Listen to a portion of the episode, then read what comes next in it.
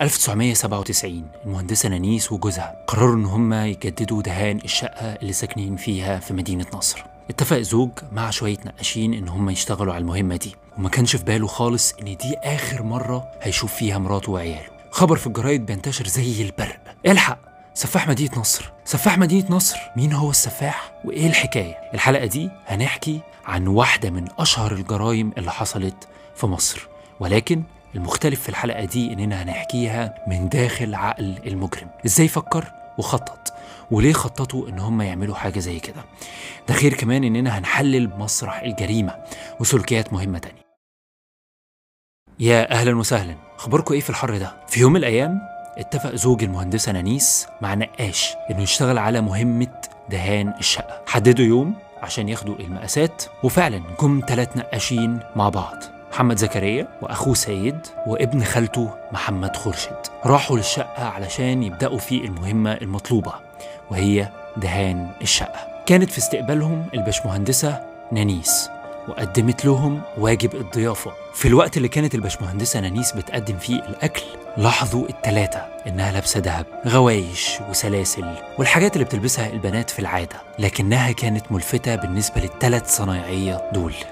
ومعنى إن في شيء لفت انتباههم يبقى هم بيدوروا على حاجة ناقصاهم. شايفين إنهم لما ياخدوها هتحل مشكلة عندهم ولإنهم كانوا مزنوقين ومديونين في فلوس نتيجة تعاطيهم للمخدرات كانت دي الفرصة الذهبية بالنسبة لهم. استأذنتهم نانيس تروح بس تجيب عربون الفلوس اللي متفقين عليه مع جوزها عشان يجيبوا الدهانات المطلوبة لدهان الشقة أو للنقاشة. في اللحظة دي رادار المراقبة اشتغل. وبدأت عينهم تركز. المهندسة رايحة فين؟ دخلت نانيس الأوضة فتحت الدولاب جابت الفلوس وكان من الواضح إن الأوضة مكشوفة. عرفوا كمان إن الدولاب فيه فلوس. خدوا الفلوس ومشيوا ولكن كان مشهد إن هم شافوا حل التخلص من الزنقة دي والديون اللي بتجري وراهم. أفكار كتير كانت في بالهم لذلك بدأوا يتكلموا مع بعض في الموضوع. بدأوا يتناقشوا في الخطة اللي بيفكروا فيها. هنسرق إزاي الذهب والفلوس؟ هنقدر إزاي ان إحنا ناخد كل العز ده. واللي ساعد شوية في تحفيزهم إن هم ينفذوا العملية إن دخولهم كان سهل. مكان عندهم شغل فيه عيلة مرحبة ناقص بس الحجة اللي يستخدموها علشان يخشوا البيت والوقت المناسب اللي ما يبقاش فيه موجود الراجل عشان الخطة تبقى سهلة. يعني بس الباشمهندسة اللي تبقى موجودة في البيت عشان المهمة تبقى سهلة بالنسبة لهم. في اليوم التاني طلعوا الثلاثه بحجة إن هم يتفقوا على الألوان. ولكن من جوه عقلهم فكرة التنفيذ. وفعلا خدوا الخطوة الأولى وطلعوا العمارة في وقت عشوائي. وبدون خطة واتفاجئوا إنهم لقوا جوز الباشمهندسة نانيس موجود في البيت. فكده بالنسبة لهم الخطة فشلت. مش هنعرف ننفذ. ولذلك رجعوا للهدف الوهمي وهو اختيار الألوان. أه معلش إحنا ما اخترناش الألوان. فدخلوا واتكلموا في الألوان وشربوا الشاي ونزلوا مرة تانية. بعد كام يوم قرروا إن هم يعيدوا التجربة مرة تانية ولكن بأسلوب معدل ومختلف. ضافوا فيه المراقبة وحجة مختلفة لأن الحجة اللي فاتت بطلت أو فشلت. قرر التلاتة مراقبة العمارة لحد ما جوز الست ينزل. وطلعوا التلاتة ورنوا الجرس وفتحت لهم نانيس. أه معلش نسينا مقاس الحيطة. بسلامة نية دخلتهم الشقة لأن هم كانوا دخلوها قبل كده. فاعتبرتهم مصدر أمان. ودخلت نانيس مرة تانية تقدم لهم الواجب وهو الشاي. وهنا شافوا إنها فرصة مناسبة إن هم يهجموا على الضحية. وبمجرد دخولها المطبخ وراها راح واحد منهم واللي أطلق عليه العقل المدبر للعملية. وهنتكلم في الموضوع ده بعد شوية. مسك إيديها والتاني كتم بإيده بقها والتالت بمطوى قرن غزال ضربها في قلبها وفي لحظات كانت ماتت. وفي لحظاتها الأخيرة كانت بتقول لهم خدوا اللي أنتوا عايزينه. المهندسة نانيس كان ليها ابن اسمه أنس. كان عنده سنتين. كان شاهد عيان على اللي حصل. صرخ وعيط على المنظر. حاجة مرعبة تفضل موجودة في الطفل لكن بسرعة خطفوا واحد منهم ورماه في الدولاب وقفل عليه عشان محدش يسمعه ويفضحهم. بنتها هديل خمس سنين خرجت على صوت أخوها وصرخت من اللي شافته. طبعا خمس سنين يعني تقدر توصف شكل المجرمين وتفاصيل الجريمة للمحققين. لذلك قرروا إن هم يتخلصوا منها. مسكوها كتموا بقها مسكوا إشارب ولفوه حوالين رقبتها وهي بتصرخ لحد ما ماتت في إيديهم. وهم بيلموا الذهب والفلوس. صوت أنس في الدولاب بيعلى. فخافوا إن واحد من الجيران ممكن يقفشهم. فبسرعة دخل واحد منهم خرجوا وضربوا بالسكينة لحد ما مات. لموا الفلوس والذهب وخرجوا بمنتهى الهدوء.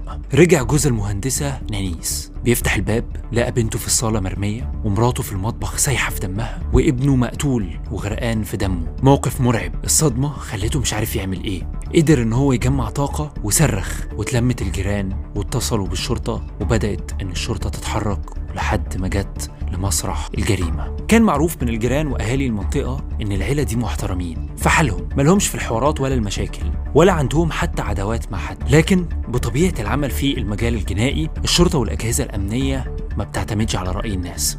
الكل متهم حتى تثبت براءته.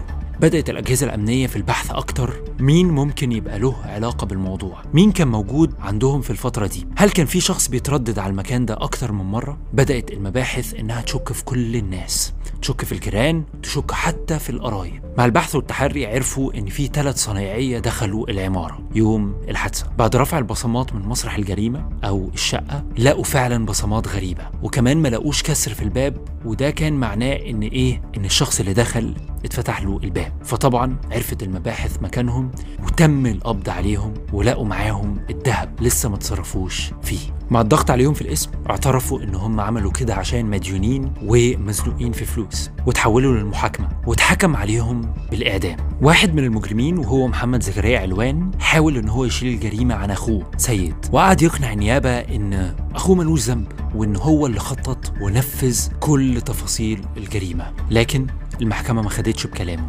المحاكمة كانت اتصورت واتذاعت لأنها كانت قضية رأي عام والناس كلها كانت مهتمة تعرف إيه اللي هيحصل. كان زوج المهندسة في المحكمة منظره مرعب وكذلك أم المهندسة نانيس وأبوها كانوا في حالة صدمة ورعب. اتحبسوا الثلاثة مستنيين حكم الإعدام ولبسوا البدلة الحمراء. وبرضو كانوا اتقدموا بنقد للحكم على أمل إن هو يتخفف لكن النقد اترفض. ومن هنا اتأكدوا إنها خلاص. كلها مجرد وقت. ثلاث شهور عاشوها في زنزانة انفرادية. في رعب وخوف وتعب وقلق وصريخ وكوابيس لما كانوا بيسمعوا رجلين ماشية بيفتكروا إنه الوقت خلاص جه. عاشوا شوية من اللي عاشوا أهالي القتيلة وزوجها. طلب أبو نانيس وأمها من وزير العدل والنائب العام إنهم يحضروا التنفيذ وإنه كمان التنفيذ يبقى علني ومذاع. وقتها وافقوا كنوع من تخويف أي مجرم وعشان كان حالتهم صعبة فما كانوش يقدروا إن هم يرفضوا لهم أي طلب. يوم 28 أبريل 1998 وقت تنفيذ الحكم. حرفيا مصر كلها كانت مستنية اليوم ده. عشان كده كان اليوم صعب على وزارة الداخلية. من تنظيم وتأمين لأن كان في حالة غليان من الناس بسبب اللي حصل. دخلوا جابوا المتهم الأول اللي قتل نانيس وابنها وكان هو الأخ الأكبر. وسحبوا ومحدش كان ناسي المنظر اللي كان فيه المتهم الأول. ما كانش قادر إن هو يمشي على رجله. سحبوه من إيده وهو بيقول ما كانش قصدي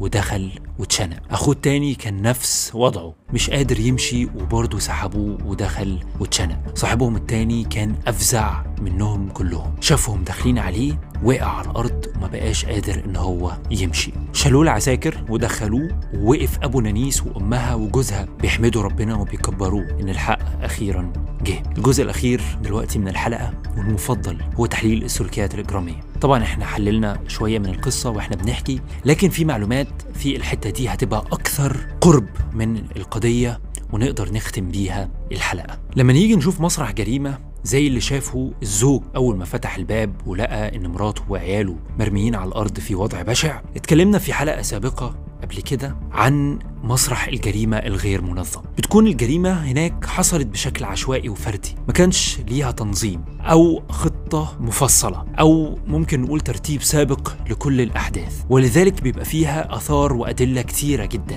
بتكشف هوية المجرم بسهولة. وفعلا كان بصمات كتيرة في مسرح الحادث كشفت المجرمين وخلت الشرطة تقبض عليهم بسرعة. وقلنا قبل كده إنه في الغالب الجرائم الغير منظمة بتبقى دوافعها فردية منها إن المجرم بيبقى عايز فلوس بسرعة بالإضافة لأعمال العنف العشوائية والسرقة والاعتداءات الشخصية والتخريب اللي بيحصل. في نقطة قلت لكم فيها إن الشرطة كانت شاكة حتى في الجيران والقرايب وده بيبقى غصب عن الشرطة لأنه ساعات بيبقى المجرم موجود في وسط الناس بعد الجريمة. وممكن أقول لك كمان إنه ممكن يكون هو المبلغ أو الشاهد على الجريمة. لذلك الشرطة ما بتعرفش إنها تثق في حد. في نهاية الحلقة حابب إن أنا أقول لك إن في جملة كده بنسمعها كتير في الشارع الكيف بيذل. أتمنى بعد القصة دي تكون اتأكدت فعلا إن هو بيذل. مدمن المخدرات بعد ما بيستنزف فلوسه وفلوس اللي حواليه بيبقى عايز يعمل أي حاجة عشان يشرب تاني. ولما ما بيلاقيش أي طريقة إن هو ياخد بيها فلوس بيوصل لمرحلة إن هو ممكن يسرق. وساعات ممكن زي ما شفنا بتوصل للقتل. أخيرا أنا كده خلصت الحلقة بتاعتي. أتمنى تكون استفدت. وانبسطت كمان. أشوفك في الحلقة اللي جاية وليله سعيدة. سعيدة إيه بقى؟ خلاص بعد الحلقة دي. ليله سعيدة عليكم جميعا إن شاء الله. وأشوفكم في الحلقة اللي بعد كده. سلام عليكم.